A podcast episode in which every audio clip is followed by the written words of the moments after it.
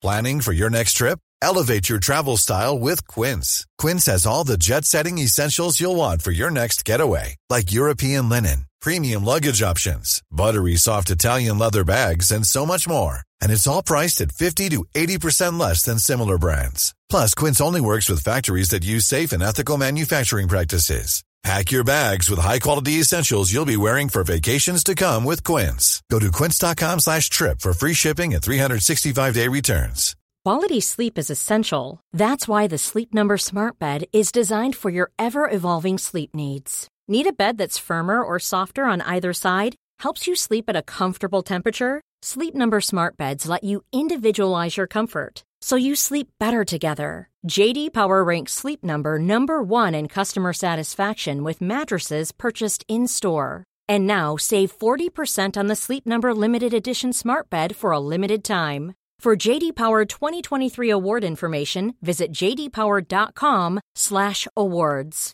Only at Sleep Number stores or sleepnumber.com. Hallå! Simon Gärdenfors heter jag och snart börjar min podcast Arkivsamtal som klipps av min redaktör Marcus Blomgren. Mycket nöje!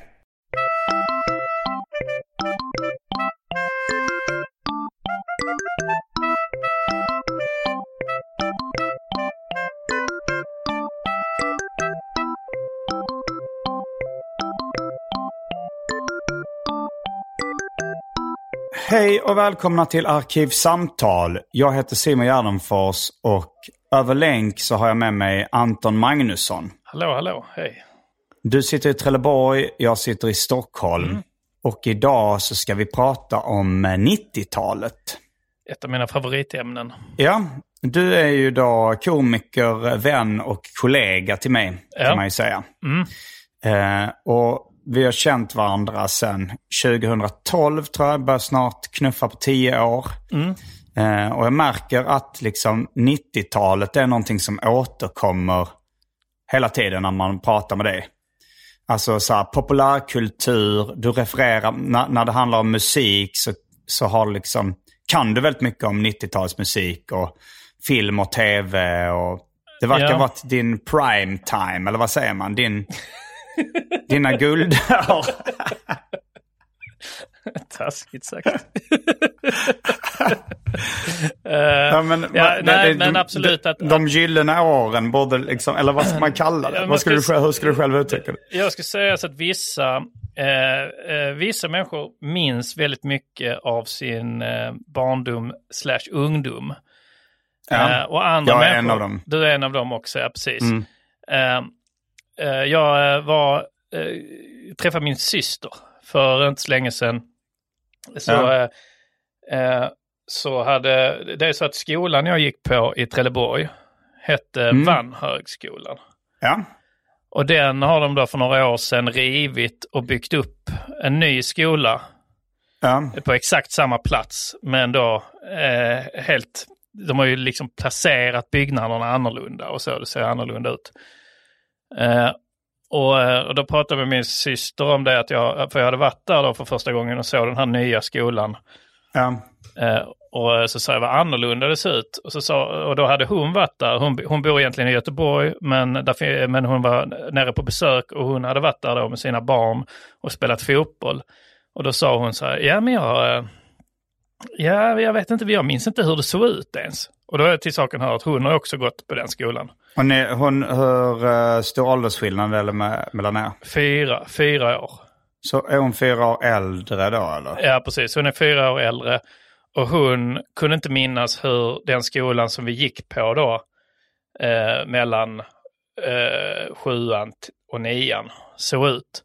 Och jag minns i detalj. Jag minns liksom var de här snusprillorna i taket satt och, eh, och allt sånt. Så, Mm. eh, så jag, eh, och det- är ett exempel då på, men jag har stött på andra exempel i, i livet på folk som inte liksom lagt sin, barndom och ungdom på minnet. Ja, Så egentligen är det då, det är inte så att jag har kanske ett särintresse av 90-talet, men det var då jag växte upp och allting fastnade. men mycket av din favoritmusik, mycket av dina favoritfilmer och, och sånt där är väl från 90-talet också? Mm, men det tror jag eh, gäller de allra flesta. Uh, att mellan, alltså hur gammal var du när 90-talet började och slutade? Men då, eh, eftersom jag är född 83 så var jag, uh, jag började skolan uh, då, 90-91 började jag första klass. Så du var sju då, 90-91? Ja, precis. Och, ja, och då är du 17 när 90-talet slutar. Mm. Jag skulle ändå säga att det är ganska ungt för att vara liksom den här um, tiden där man upptäcker, alltså så här, för jag har ju också, om jag ska räkna upp liksom favorit-tv-serier, favoritfilmer och favoritmusik så är det ju mm. väldigt mycket som kommer vara från 90-talet. Men jag är fem år äldre liksom. Jag tycker att 17 är ganska ungt. Eh, att sluta intressera att sluta, sig. Alltså, ja, för du är ju inte så intresserad av ny musik eller Alltså inte, inte alls lika intresserad av ny film heller som du var förr. Nej, när Markoolio släppte Millennium 2, det var sista ja. låten jag la på minnet. Vilket, jag vet inte om vi har pratat om det innan också, att det är fel då eh, med Millennium 2. Ja, ja, det, det, det, ja. det är en klassiker att ja. det borde vara Millennium 3. Va? Ja, precis. Men, um, nej, men jag skulle säga att när jag var när jag var 20. Eh, det är mycket då, 1920, det är då först liksom jag börjar skaffa mina favoritkulturella eh, upplevelser. Ja, men då kanske det talar för eh, att eftersom när du var 1920 så var jag ju mm. 13, 14, 15. Där någonstans. Ja, det, kan, det kanske var objektivt bra då, 90-talet. Ja, att, eh, att det då är bara att det var väldigt mycket bra som kom. Ja, Jo, men vi snackade väl om det. Var det inte vi nämnde året 94? Var det du och jag som snackade om det? Och rabblade upp ganska mycket det, som släpptes då. Bara om du kollar biotoppen 94 så har du alltså mm. Pulp Fiction, eh, Forrest Gump, jag tror Jurassic Park, kan det vara det också? Eller är det året innan? Men det var Shawshank Redemption, alltså Nyckeln till frihet, är 94 också. Ja. Uh, det är och min favoritbok, Tredje ställen från solen, är skriven 90, eller utgiven 94 också. Ja, det är mycket, mycket bra som kom.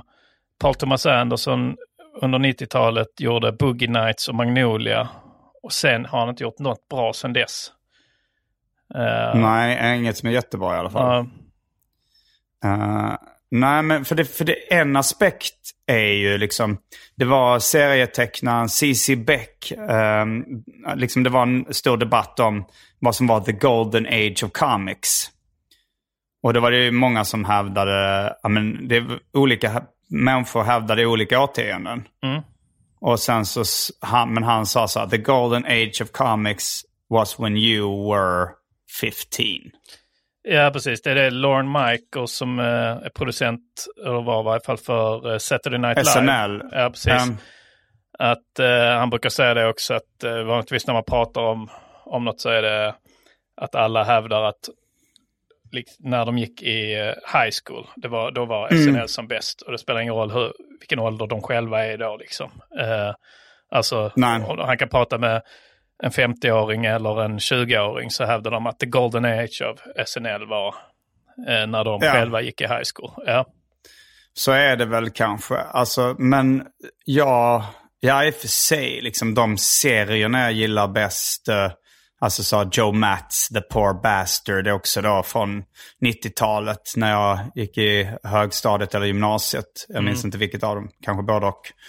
Men eh, alltså när han höll på att teckna dem. Så att det stämmer nog faktiskt ja. för mig också. Men sen är det ju inte... Alltså... Om vi säger high school är lite, det är lite luddigt. Det går inte att översätta till varken högstadiet eller gymnasiet. Det är väl något mellanting där eller? Ja, precis. Ja, ja exakt. Så det, det, nej, men det, det, är ändå den perioden då. Man säger, ja, för man säger, man säger högstadiet och gymnasiet är sex år. Och ja. det är ganska mycket.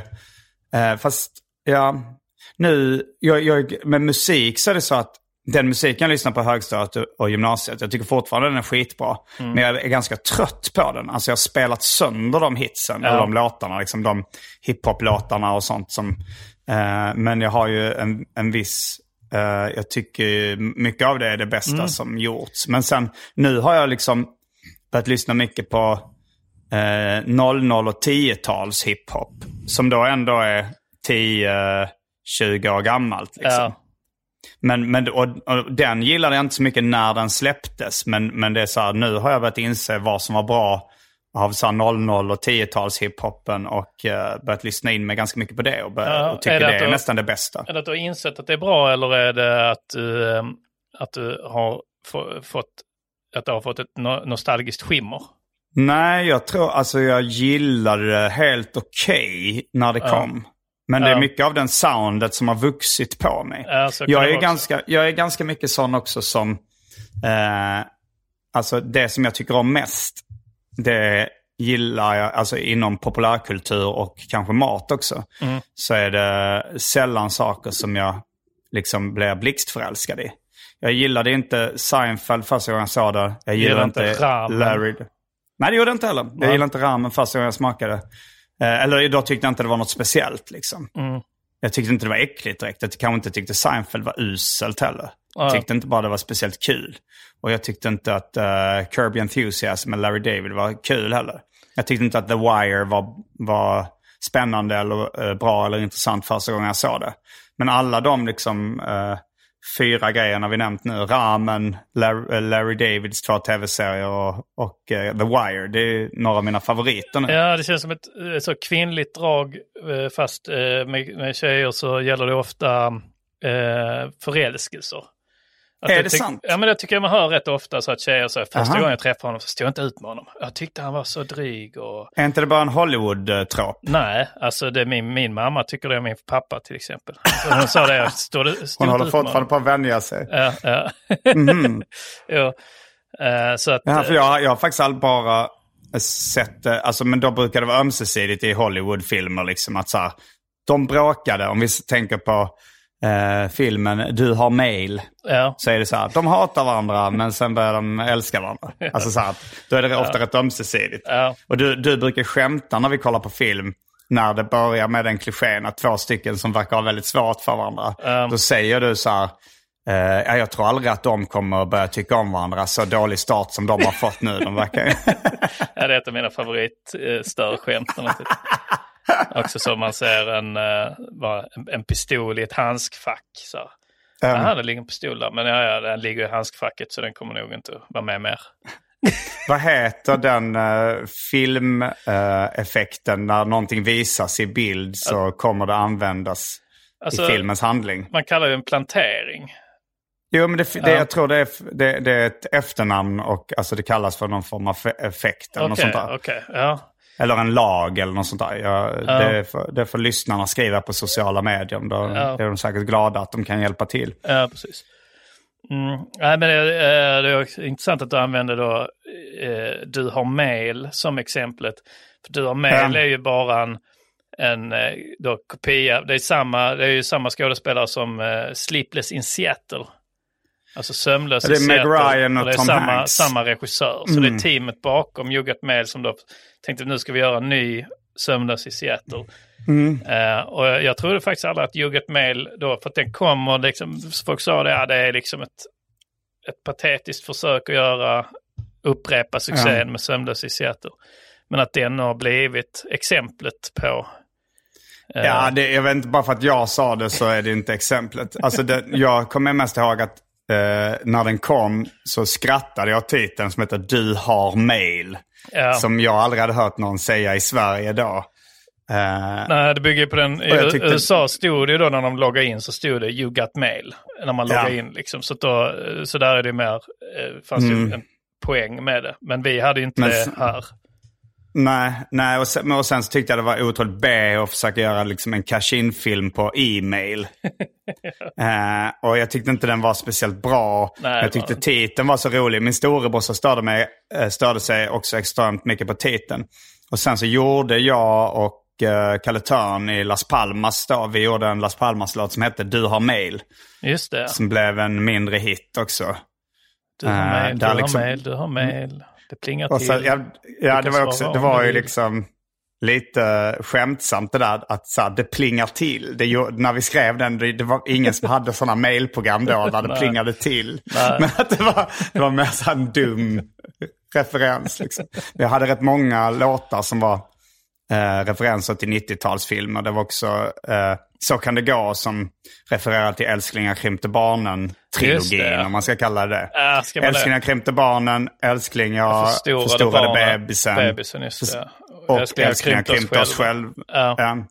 Ja, det kom lite sånt, så var det ju Titta han snackar, Titta hon snackar också och Titta Till vem, som, snackar, nu. Ja, precis. Lite så inofficiella trilogier där det var Ja. mer kanske bara att det råkade bli två Jo, dåliga titlar då för att Who's Talking, likt då You Got Mail, liksom när något är då ett vedertaget uttryck i USA som You Got Mail och, eller uh, Look Who's Talking. Ja. Men, det- att det då förlorar hela sin eh, då dubbla mening, så att säga. Ja. Eh, I Titta, då, han titta, snackar. han Ja, för snackar. Lu- Lucas talking now är också ett uttryck. Så. Exakt, ja. Eh, ska du säga typ, betyder Mm. det. Men ja. Jag funderade på, för apropå 90-tal så gjorde ju då eh, Dr. Alban en låt som heter Look Who's Talking Now. Look Ungefär who's talking talking now. now. Just det. Look who's talking, look who's talking. Och den kom ungefär samtidigt som Look who's ta- någon av, alltså kanske till och med uppföljaren Look who's talking now. Ja. Eh, så jag undrar ifall han försökte göra det officiella soundtracket men blev refuserad. För jag tror aldrig den liksom användes i eller i marknadsföringen av den filmen. Det kan ju ha varit var som när du blev ombedd eh, att så, skicka in ett bidrag till eh, Bass Hunter. Base Hunter ja. Ja. Mm. Jo, det finns ett tidigt avsnitt med Jesper Rönndahl av Arkivsamtal där jag går igenom den storyn och spelar upp låten som Ja. jag till slut skrev, Bazooka Bill. Och så kan det ju ha varit med, Bazooka. med eh, då, eh, teamet bakom eh, Titta vem som snackar nu.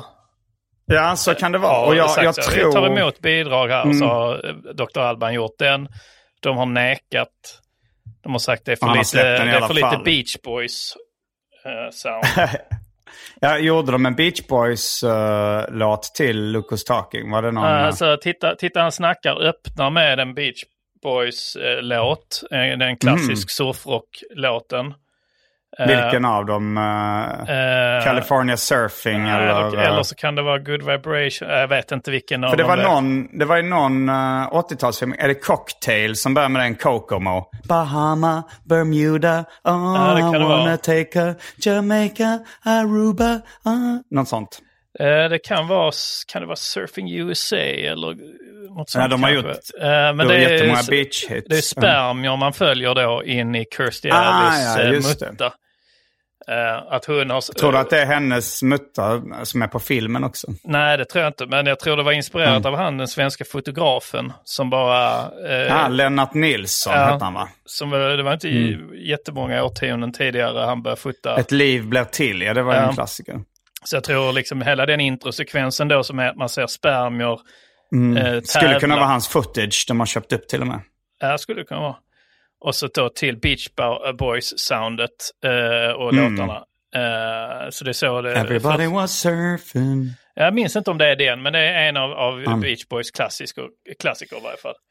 Det finns en 90-talsfilm och en 90-talslåt där jag misstänker att uh, det har gått till på det sättet också. Att, eh, jag har till och med hört rykten om det. Det är då ehm, Do the right thing. Har du sett filmen av eh, Spike Lee? Mm, har jag sett.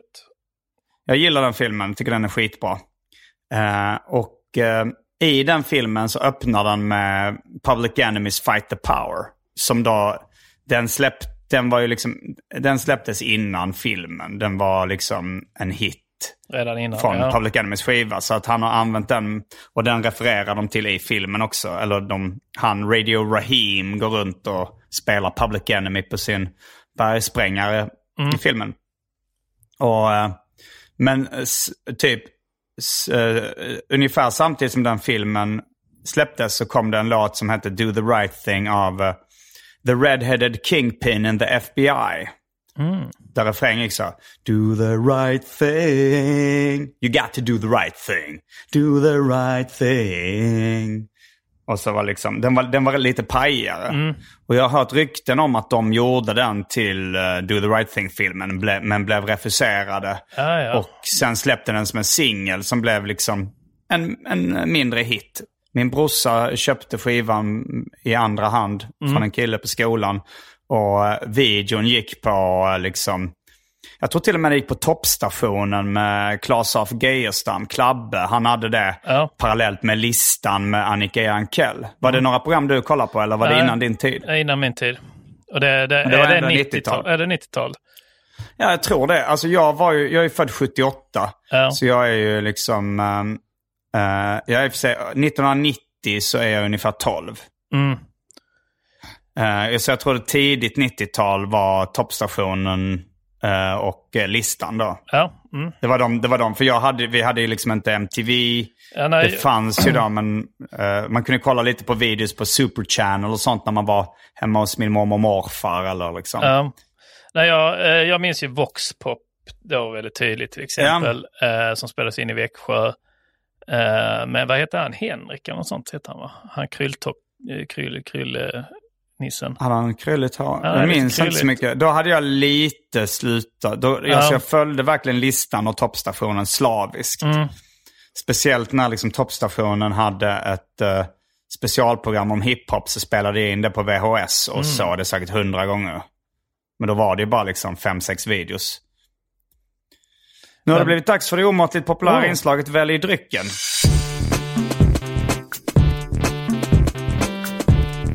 Jag tror vi börjar med det fasta inslaget Välj drycken!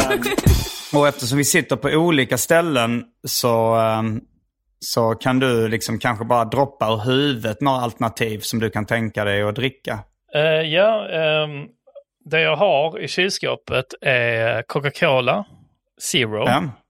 Eh, jag har ehm, öl, eh, Falcon Mm. 3,5 i kylskåpet. Jag har en box rödvin, en box vitt vin, eller vitvin. Eh, och eh, jag har lite vodka har jag också, så att det skulle ju, och lite rom har jag också. Eh, Mm. Och um, heter det, um, konjak har jag lite också. Oj, vilken typ av konjak? Ja, Eh. grön, eh, jag har varit hemma hos dig nyligen, Ja. så det är en grönstett eller något sånt. Ja, och det är mer, Mm. mest till för matlagning, gott med skaldjur och så.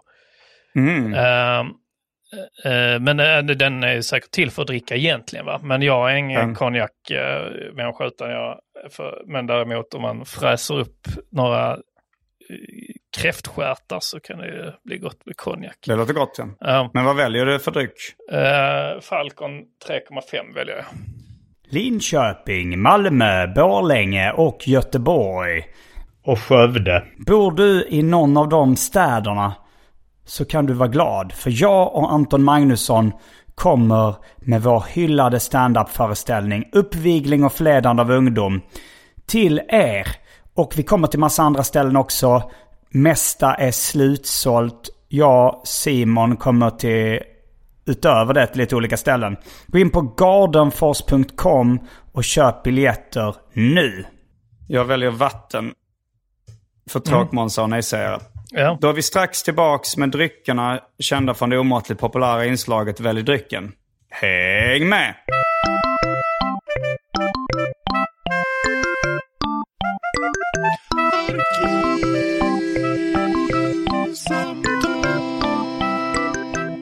Då är vi tillbaks med dryckerna kända från det omåttligt populära inslaget Välj drycken. Jag Och- sitter med ett glas vatten och, Och jag du... eh, sitter och häller upp en eh, Falcon i eh, mitt ölglas. Mm, Eh, vad gott. Jag säga det också. Eh, nu kanske du kommer tänka så, ja det googlar du säkert. Men nej, jag, det bara poppar upp i huvudet eh, nu när jag var nere och hämtade öl. Eh, get around, kanske den heter. Round, round, uh, round, I get around, I get I get around, I get around. Det är den som och den är, handlar ju också om eh, sex. Ja, precis. Så det är den Så det som kanske är, är lite på temat. Ja. i introt. Det var första gången jag hörde Beach Boys. Jag tyckte det var Mm. Ja. fan vad grym låt de har lyckats göra till Ja. den här filmen. Ja, nej, jag tyckte den var jävligt bra också. Kokomo. Som var Mm. då till cocktail gissar jag att den var. Ja, det borde varit det. Ja. Men det kan Ja, man bli lite besviken på sen då när man Boys. inser vilka låtar som inte var då eh, gjorda för filmen. Utan bara Jaha, att de- ja, ja. Att du trodde att den var gjord för filmen och tyckte det var fan var snyggt. Ja, precis. Eh, Men på tal om så 90-tal och så ska jag säga också att alltså till 90-talet så, eh, så hör det ju också, jag skulle säga att till exempel Karate Kid. Ja. eh, När släpptes den? eh, på 80-talet. Sent, Okej. sent 80. Eh, Ja. Men det är ju mer, eh, det är ju mer av en, eh, eller sent 80 kanske, kanske mitten av 80, jag vet faktiskt inte. Men det är ju Jag associerar det mer som en 90 80-talsfilm. Ja, ja, men jag, jag tänker att det, att det är mycket 90 över den. Förutom att Mm. Danielsson vid ett, ett tillfälle säger, när Ali hoppar in i bilen eh, och så, eh, eh, så får hon får köra tror jag. Hon får köra och så säger, säger hon så, hey, I'm gonna drive. Säger, då säger Danielsson, yeah it's the 80s. ja, ja, att, hon, att kvinnor får köra. Men eh, jag tänker att 90-talet eh, var ju väldigt mycket 80-talsironi. För att liksom väldigt tidigt på 90-talet så började man ironisera över 80-talslooken. Liksom. Man hade mycket 80-talsfester på 90-talet. Och eh, liksom, det, det, var, det var liksom hånat om man uttrycket så jävla 80. Ja, när det. någonting såg lite 80-tal ut. Det var väldigt vanligt på, Ja, det var så på 90-talet. distinkt utseende. Alltså just om man tänker, om man tänker 80-talet tänker man Cyndi Lauper. Eller vad hon hette. Ja. Alltså det var så våfflat hår. Eh, mycket cerisrosa. Mycket neon. Ja, neonfärg. Ja. Eh, så att då, ja, det blev ju då tacksamt att direkt kunna se. 90-talet Ja, var lite på svårare. 00-talet, ja, för på 00-talet hade folk 90-talsfester men det hade inte lika stark identitet. Nej. Och jag vet inte, jag tror inte nu på 20-talet att folk har 10-talsfester på samma sätt eller liksom. Nej, det tror jag inte. Så jävla 10. Nej, det måste, gå lite, ja, precis, det måste gå lite längre tid. Ja, nu måste ju det. Fast på, jag tror att 1992 så hade man, den första 80-talsfesten var redan eh, 1990. Ja, Liksom, att man började direkt håna 80-talet när det var ja. ja, men det tror jag också.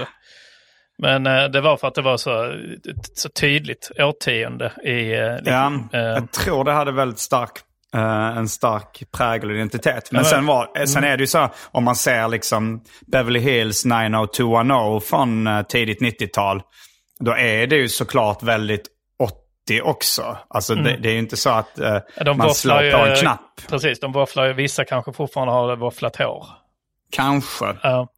Jag är osäker på om det var slutet av 80-talet man gjorde det. Jag minns faktiskt inget våfflat hår från eh, Nej, Beverly Hills 90210. Ja, men Men- jag kan ändå minnas att mina syror hade ett hå- hårvåffeljärn. Mm. Eh, och de, då var det ju mellan 90 och 93 där någon gång. Liksom. Men, ja, men och det var inte att de var lite efter, att det var så att de bodde i Trelleborg. Jo, men det är också en del av... det är också, Ja, jo, det är det ju. ja, ja. så, så att jag tror att... Och sen, Jo, men så här som amish-kulturen, att de fortfarande kör med häst och vagn och sånt där. Att det är inte representativt.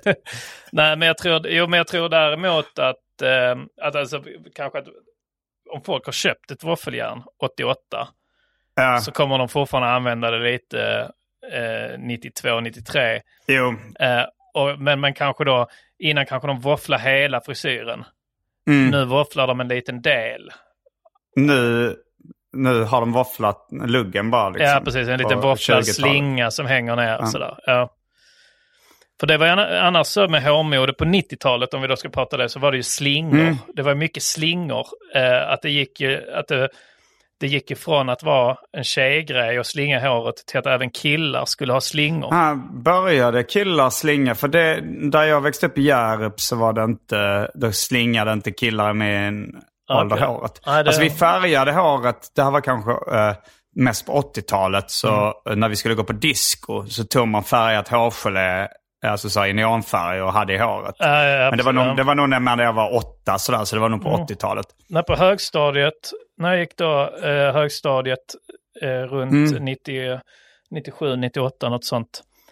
Var jättepoppis bland eh, de coola killarna att slinga håret. Jag tror det var liksom en trend som var Och vad är att slinga håret? För att eh, min flickvän säger det nu om att färga håret. Så säger hon att jag ska slinga håret, men hon har inte slingor.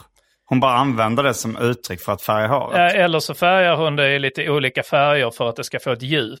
Att, alltså, att, att jag gissar då att hon inte går till en frisör, frisör och, och att frisören färgar hela kalufsen exakt samma nyans. Nej, hon gör det hemma. Men alltså Okej, min mamma ja. gjorde det klassiska, du vet man, att man, eh, man drar ut, eh, eller jag, jag har sett folk göra det, jag kommer inte ihåg om det var min mamma eller någon annan, men liksom att man sätter en plastpåse på huvudet med hål i och så drar man ut just slingor och färgar dem separat. Liksom. Ja, precis.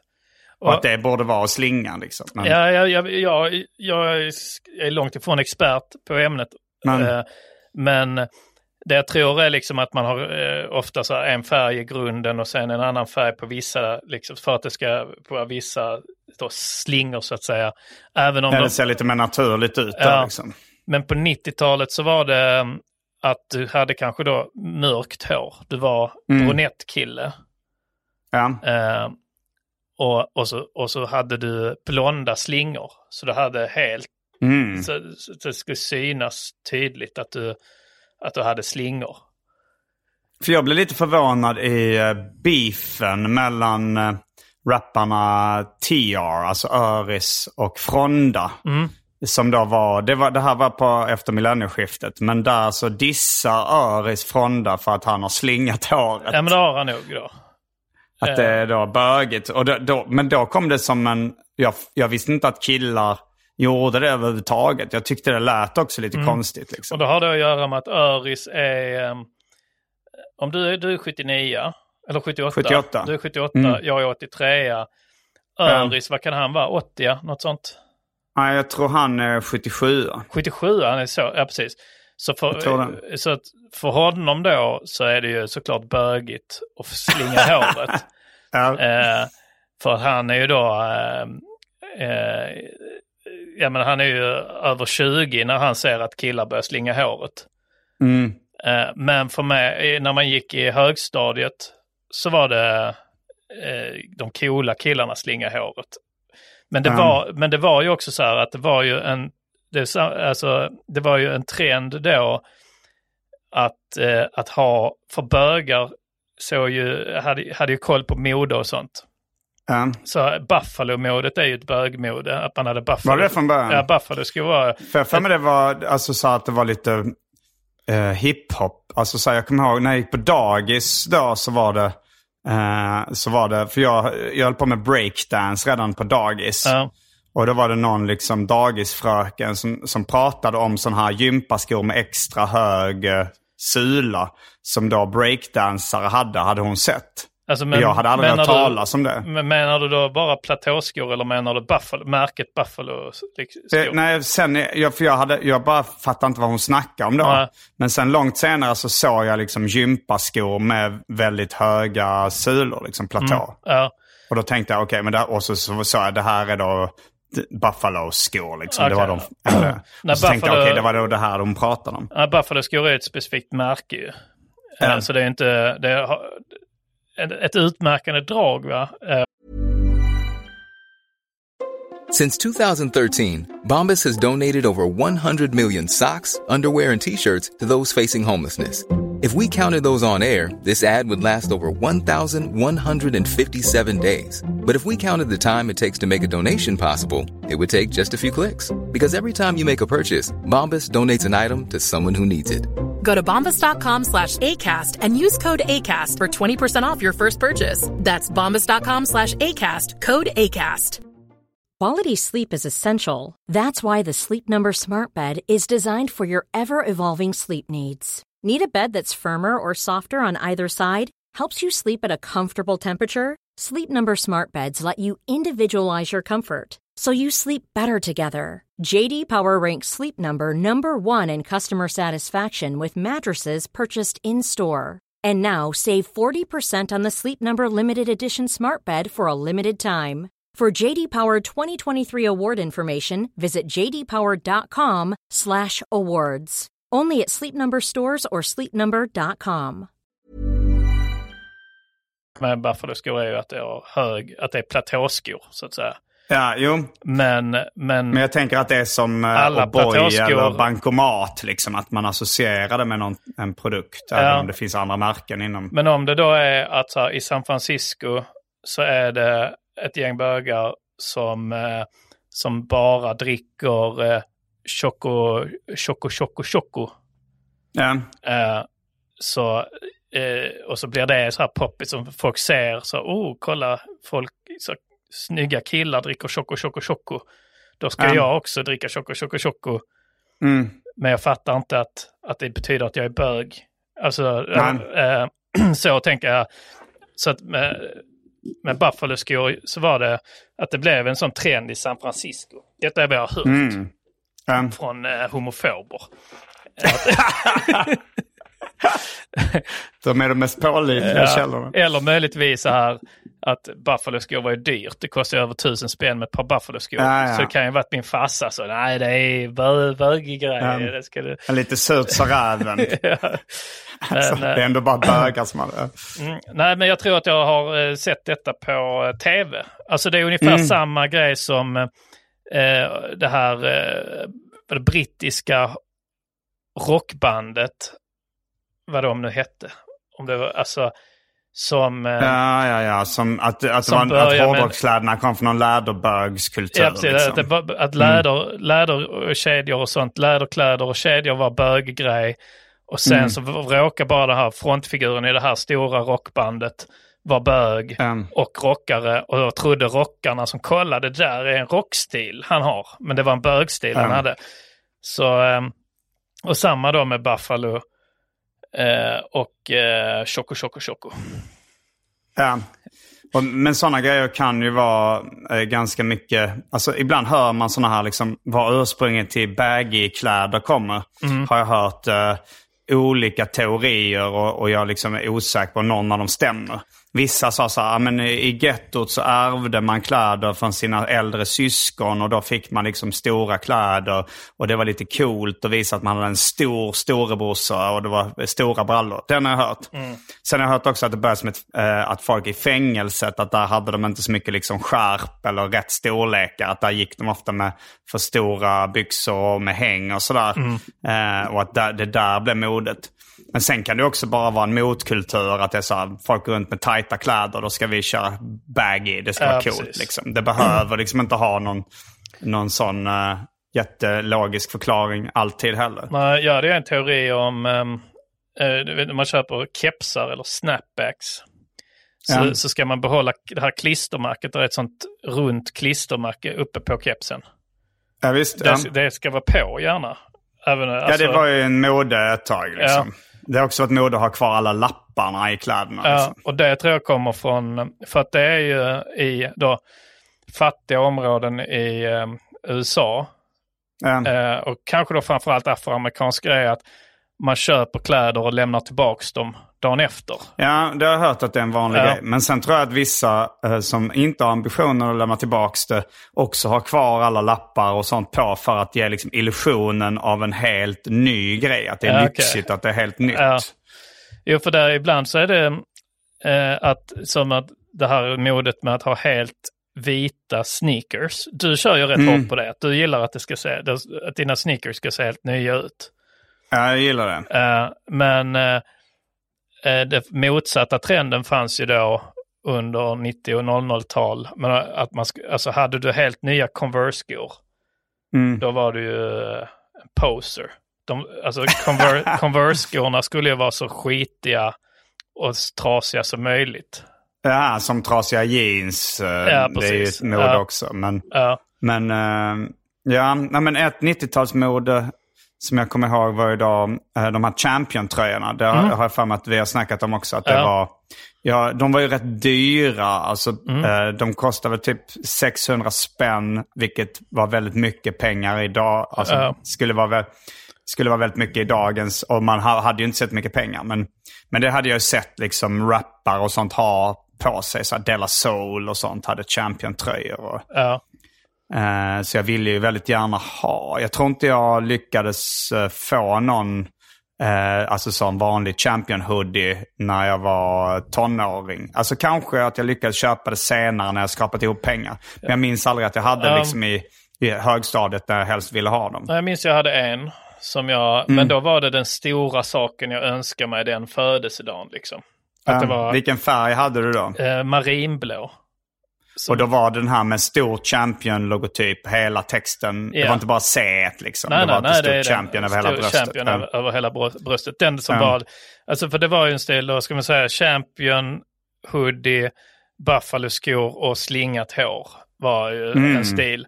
Och, men sen var det ju vissa, och jag minns vissa på skolan hade ju två, tre champion-tröjor. Det tyckte man ju var helt Ja, galet. du, du berättade att, att du sa den vid något tillfälle att uh, hade man en, det var schysst. Två, det var ännu coolare. Men tre, då var man rikeman Ja. och det såg ni ner på. Just det, det också ja. ja.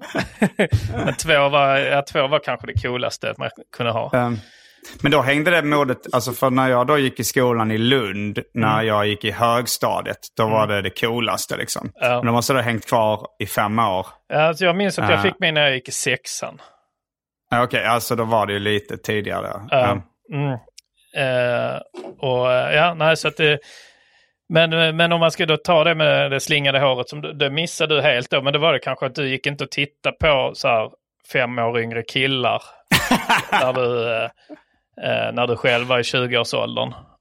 Eh, Nej, jag tänkte nog inte på det. Ja. Och jag, jag vet inte om jag hade tänkt på eh, liksom deras eh, frisyr. Eller så umgicks jag i kretsar där... Alltså jag hade väl någon kompis som var några år yngre liksom. Mm. Men de slingade inte håret. nej. De var, de var mycket rakat också. Det kom ju strax innan millennieskiftet. Så blev det ju poppis att raka skallen. Ja. Jag gjorde det också. Eh, klär du i det? Ja, det, jag tror det såg rätt bra ut. Ja. Jag fick inte, för jag, mina föräldrar sa att, eh, att eh, jag skulle se ut som om jag var nazist. Ja, alltså jag frågade ju inte Ja, eh, innan utan jag bara gjorde det och sen så kom jag hem och min mamma var väldigt upprörd. Bara, Simon, vad har du gjort? Och sa att jag ser ut som en nazist och så. Ja. såklart.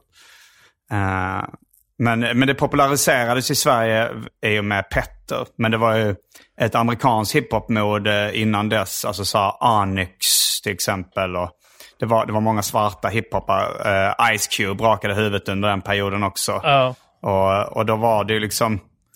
Eh, då var det ju svarta som gjorde det, så var det inte så många som misstänkte dem för att vara rasister. Nej, de har ju också ett större skäl för att deras hår är mer svårskött. Ja. Men sen, eh, sen blev det rätt poppis bland svenska hiphoppare först då. Sen spred det sig till alla möjliga. Pagefrisyren var också en rätt stor 90-talsgrej. Jag associerade ganska mycket med Liam Norberg i Sökarna. Ja, jag hade lite page ett tag. Du har lite längre hår. Ja. Jag, tyckte, jag, jag kommer ihåg att jag och mina kompisar tyckte att det var töntigt. Alltså för att vi tänkte att det var så här, att det är inga killar som tycker det är snyggt egentligen. Utan de har det bara för att tjejerna tycker att det är snyggt. Ja, Mm. Men Och det- det var ju så här, ja, då hade vi det som nästan lite skällsord. Att någon var page, då var det en sån kille som anpassade sig väldigt mycket efter tjejers önskemål. Liksom, Som Ja. var lite, något av en toffel, liksom, eh, något av en, ja, men så här, en tjej-pleaser. Nu Ja. använder man kanske med ordet kill-pleaser. Ja. Jo, och, men eh, ja precis. Och samtidigt, men då var det väl kanske egentligen bara att det var ett, ett så lite nytt, nytt fenomen och ni var lite för gamla. Och eh, ja, fast jag gick ändå i högstadiet när sökarna kom. Och det, det modet började bli poppis. ja, jo. Nej, det, inte, det, var, ja, det, var precis, säkert ja. mode, det var säkert mode innan Sökarna, men det var då det liksom populariserades. Att Liam Norberg var den snygga killen i Sökarna. Liksom, Ja, precis. Eller Ja. en av dem. Jo. Och nu har det kommit tillbaka så att så här, hovet ser ut rätt mycket som Sökarna, killarna är från filmen.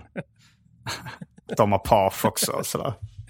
Ja, men jag tycker det är kul att 90-talet har kommit tillbaka för att jag tyckte alltid Mm. det var så det var så svårt att sätta fingret på 90-talet så länge.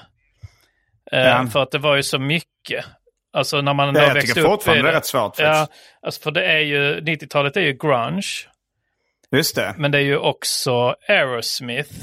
Och det är ju Och också det- hiphop och det är också boyband.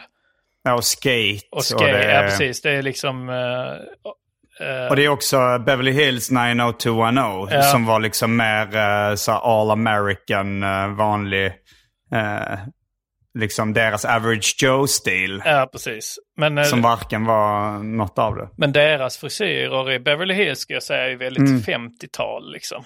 Alltså det är, Ja, lite uppkammat fluff. Det Ja. körde jag också med. lite Alltså jag var polisson, inspirerad så. av eh, Parker Lewis, Kent Lukes var jag inspirerad av uh, kläder frisyrmässigt.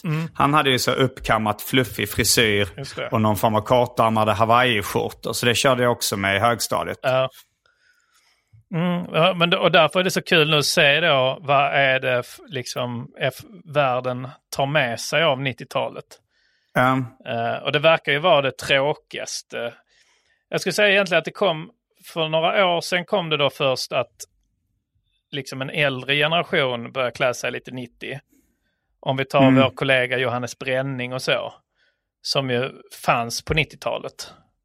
Men, Ja. men han börjar ändå lite som en liksom Mighty Ducks keps kanske eller sådär. Ja, just det. Eh, Mm. Och det kanske då vår bild då, när vi tänker 90-tal så blev det rätt mycket så här, men det är mycket Mighty Ducks-kepsar och, och eh, vissa så här, gympaskor och sånt. Men om man kollar på de som sen... Reebok Pump. Ja, exakt. Ja, precis. Att 90-talet var ju... Man kunde var- pumpa upp sina egna gympadojor på Plösen eller vad det heter. Ja, och det här lilla genomskinliga Air-grejen känns väldigt 90. Just det, Air Max 90 heter till och med den modellen som, där man ser igenom. Det var den första Ja. gången jag såg igenom en sko. Och även att de kanske lyser lite, blinkar lite när man promenerar är också en sån 90-talsgrej. Ja, det var något, vilket märke var det som hade det? Det minns jag inte. Men, eh, Nej, sen, men det- sen kom det väldigt många olika skor. Eh, Mm. Men eh, jag tror föräldrar var väldigt glada att det blev coolt för att det var så svårt att få en liksom tuff li- liksom kille i mellanstadiet att använda reflex. Just det. ja. Men det var lätt att få dem att använda de här coola skorna som blinkar upp. Ja. Eh, men eh, nej, men jag vill skulle säga om, eh, men att sen det som, för, för Johannes Bränning, är, är han, han är 80-talist ju. Vår Eh, komikerkollega. ja, Ja. det är han nog. Han, men är inte han eh, lite i din ålder, tänker jag? Jo, det tänker jag också. Lite, kanske något år yngre bara. Så. Mm. Eh, men han, han börjar ju köra, då, eller han med andra också, ska jag ändå säga till andra också. Mm. Eh, liksom att, det, att folk som upplevt 90-talet börjar klä sig lite 90. Ja. Eh, och, eh, men sen nu då när man ser då de som inte har levt på 90-talet börjar Mm. klä sig som 90. Det är en helt annan 90 de upplever. Eller de, de Fast, har, det, ja, fast jag tänker de som är födda 00, alltså de är ju, ja de är 21 nu. Ja, precis. Och de, Ah. de har ju inte Mighty Ducks keps och Nej, sånt. har, men har de 90-tals uh, ja, de har retro... illasittande jeans. Just det, det har Eh, de börjat med. ja. Nu har de också, de har kanske inte just eh, eh, den här eh, det märket Champion, men det är väldigt mycket den modellen på hoodies som Ja. eh, de har. Liksom. Och så har de så här, eh, lite stentvättade, eller så här ble, bleka, illasittade jeans. Ja, precis. Fast, fast, fast på 90-talet så var, ju, då var det Levi's 501 som gällde. Mm. Och de var, de var ju lite, mm, lite bättre sittande. Ja, men alla hade inte råd med dem. mm. Nej, Så de flesta köpte ju illasittande jeans kanske då på... Frisco från ja, H&M. Ja, precis. Och så här krockor och sånt. Ja. Eh, så, som satt lite sämre. Eh, Dobber. ja. Så att de, de har väl ungefär de jeansen som de har. Alltså, de, jag, ska, jag kan se lik, alltså så här, de jeansen som de har i Beverly Hills är rätt lika de Ja. jeansen man ser idag på 20 år. Ja. Fast Beverly Hills hade de Levi's. Jag kommer ihåg, för jag kollade Ja. på det då och liksom, även om man inte visade varumärken så visar man det här mönstret på fickan. Just det, ja. Och då såg jag det är Levi's de har. Ja, det var, jag var i, min, min kompis Snygge George hade fått, eh, eh, han hade fått pengar för att köpa en ordentlig eh, vinterjacka. Mm. Och eh, så hade han fått pengar av sina föräldrar för att köpa en ordentlig vinterjacka. Ja. Och, eh, och han köpte ju en sån snygg då gick vi ner till JC.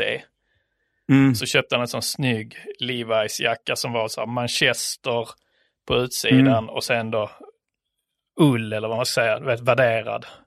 Ja, sånt Det som ser ser ut som ett lamm. Ja, precis. Och det ser ut som en, modellen är av en jeansjacka, fast det är då manchester och så. eh, Ja, ja, eh, Mm. mm.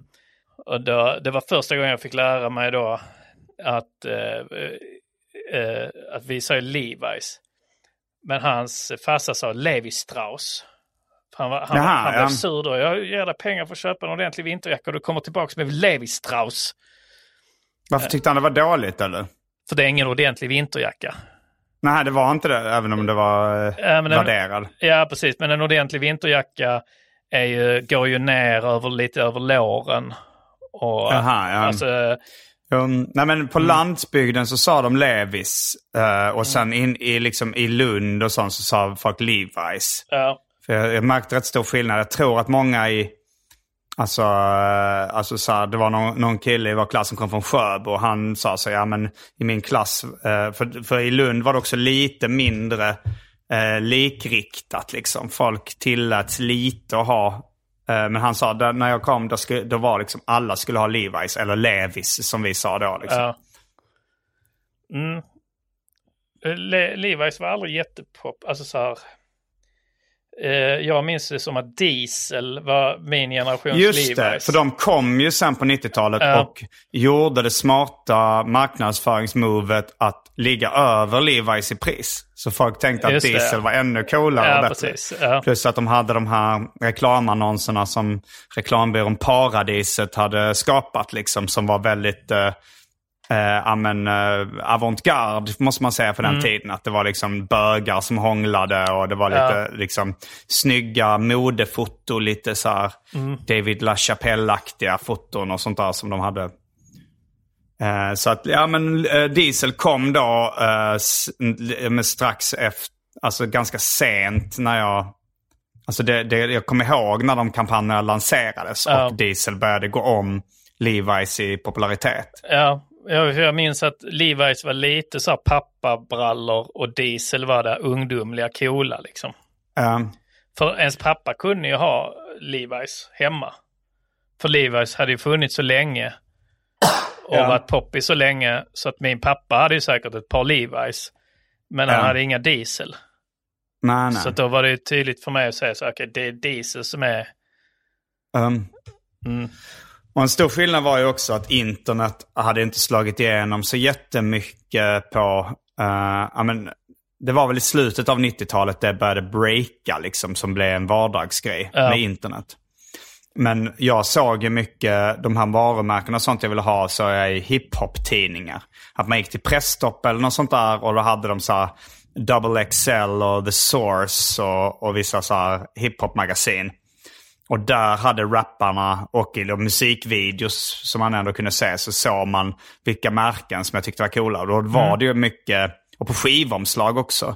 Då var det liksom Fila, det var Ewing, det var Carhartt kom efter ett tag. Det var inte, det såg jag inte i början. Ja. Eh, det var Champion.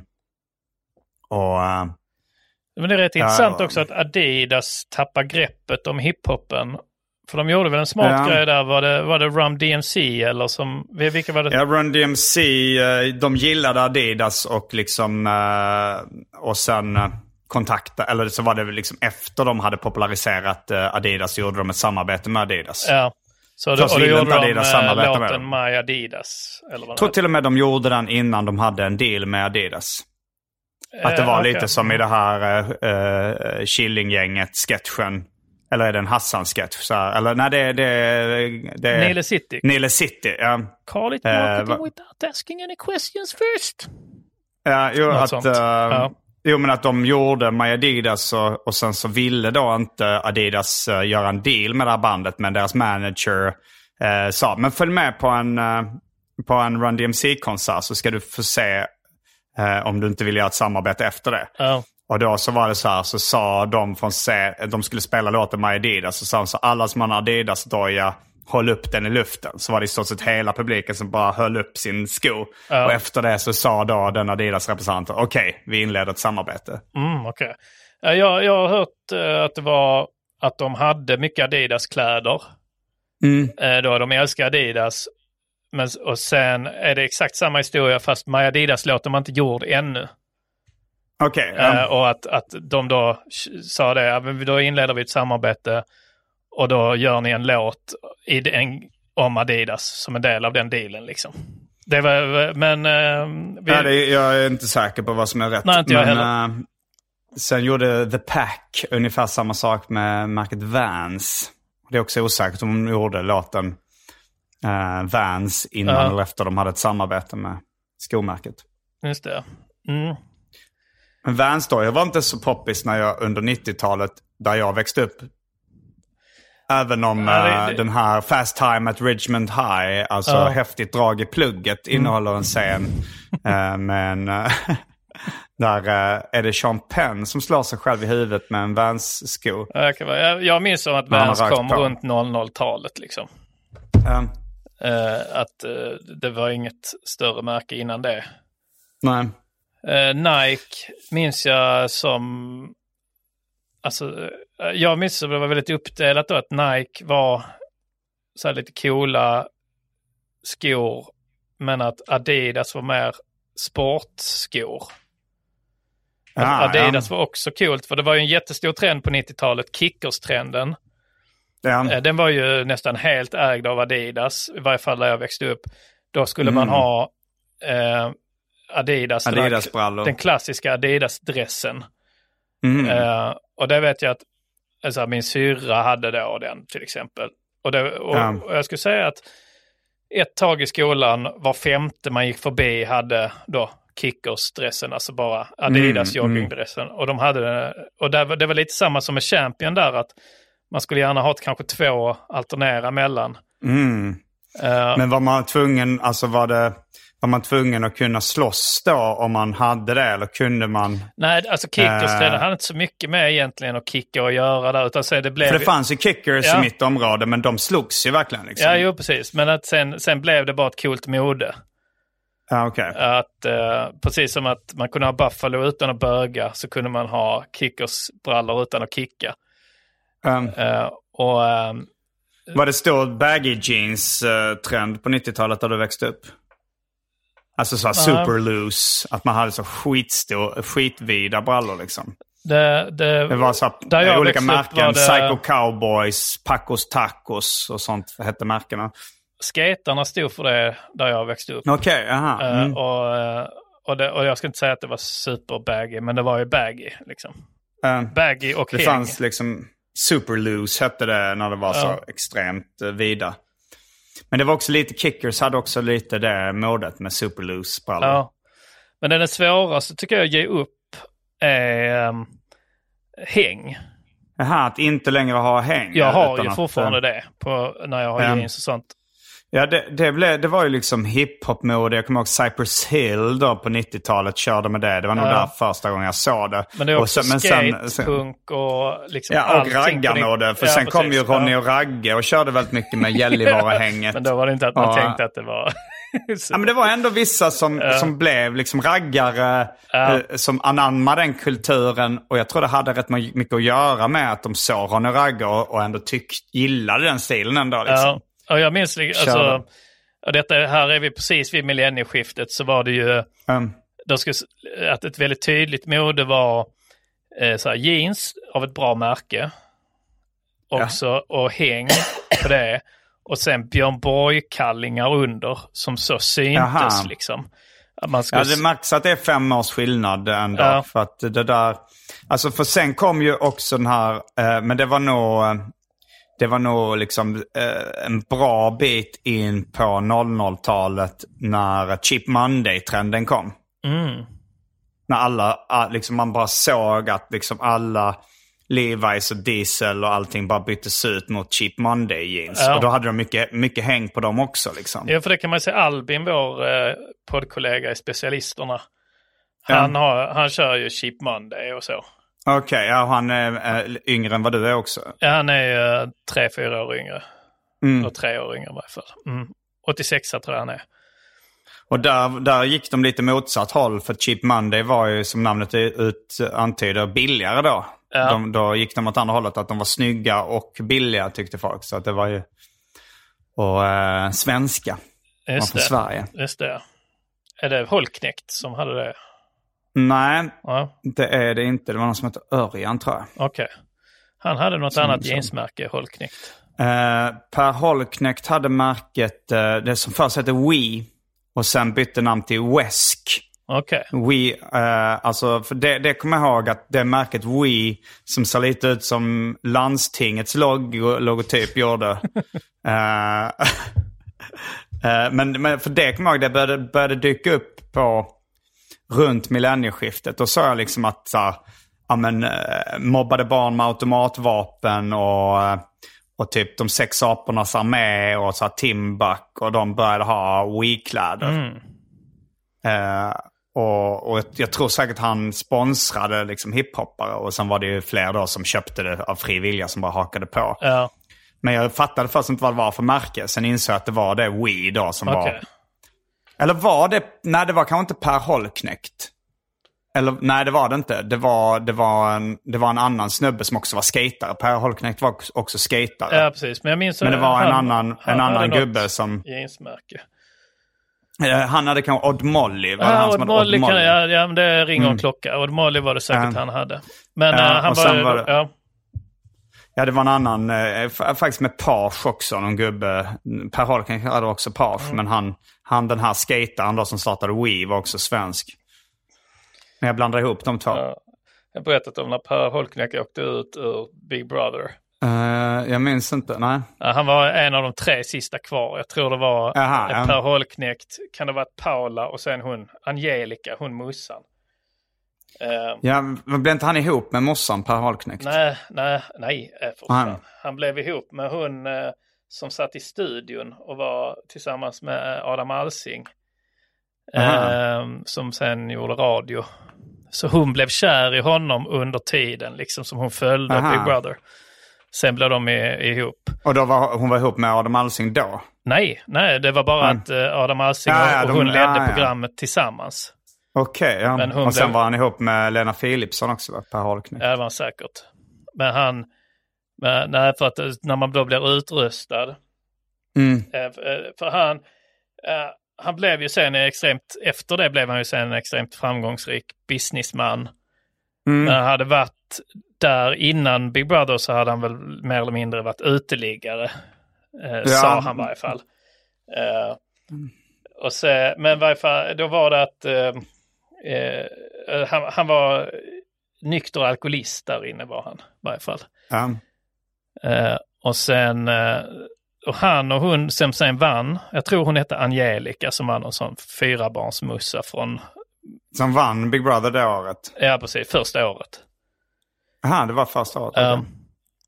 och, eh, och då, Vilket år var det? Var det 90-talet? eh, 01 tror jag det är. 01, okej. Ja. Så, och, så, och då har de en sån utröstning live då, där de sitter inne i Big Brother-huset och så är det en utröstning och så är det bara tre kvar.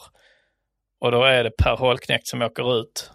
Och då blir hon Angelica väldigt glad att hon, att hon, för det stod mellan Angelica, jag tror hon heter Angelica, skitsamma. Hon, Ja. Det stod mellan honom, de två var nominerade liksom. Mm. Eh, och Angelica blir svinglad. så Ja. Per Holknekt reser sig upp då, och, så, och så, sam, då när han hör så, och den som åker ut är Per. Och då Per stör sig, fan och så jag åkte ut och Angelica Ja. blir glad liksom, yes, yes. Vilket inte är konstigt. Men hon blir glad, Nej. yes. Och då säger han, håll käften hora. och så, så går han ut därifrån. Och då går man direkt ut från huset in till studion. Så går han in Ja. i studion och, och, och de har en standardfråga som de alltid ställer. Så de eh, frågar då en bit in så här. Först är det lite så här, nu tittar vi på din tid här i huset och så får de se. Och, Just det. Så, och sen, ja, är det någonting i huset som du ångrar? Du, som du har gjort? Och då säger han, ja men det skulle vara det jag sa på- för fem minuter sedan. Det känns också som att det ligger så nära till hands att han kan inte hålla sig för att säga det i direktsänd tv med väldigt mycket tittare. Håll käften hora. Då har han nog sagt det ganska mycket förr kan jag tänka mig. Ja. Mm. och där, eh, och det, hans håll käften-hora, det markerar slutet för 90-talet. Ja, det och det. början på någonting nytt. Ja, det gör det. Men eh, vi, vi, vi ska spela in lite Patreon-exklusivt eh, tänkte jag också. Mm. Och då kanske vi ska droppa lite mer favoriter från 90-talet. Ja. Alltså så här, vad har du för filmer? Vad har Det du var för det jag låtar? sa Vad har nu du för- när, när, med Per Holknekt och hans uh, hora. Var ju min favorit. Fast det är Ja, inte, men från 90-talet. Ja, just det. Just det. Jag har andra som har sagt hora på 90-talet som jag kan Varje vecka så släpper jag ett bonusavsnitt av den här podden exklusivt för er som donerar en valfri summa per avsnitt på patreon.com arkivsamtal. Patreon.com arkivsamtal alltså. Det finns redan över 40 exklusiva avsnitt som du får tillgång till. Så det är mycket kul för valfri slant. Vill du bara vara schysst och säga tack för åratal av underhållning så kan du även swisha en slant på 0760 72 47 28. All denna info finns även i avsnittsbeskrivningen. Och glöm inte att följa mig på Instagram och andra sociala medier. Där bjuds det på gratis skämt och mycket annat. Ja, Mm. ja, men då får jag tacka dig för att du var med i detta um, ordinarie avsnitt Tack av. Arkivsamtal. Tack så mycket. Själv. Jag heter Simon Gärdenfors. Och jag heter Anton Magnusson. Fullbordat samtal.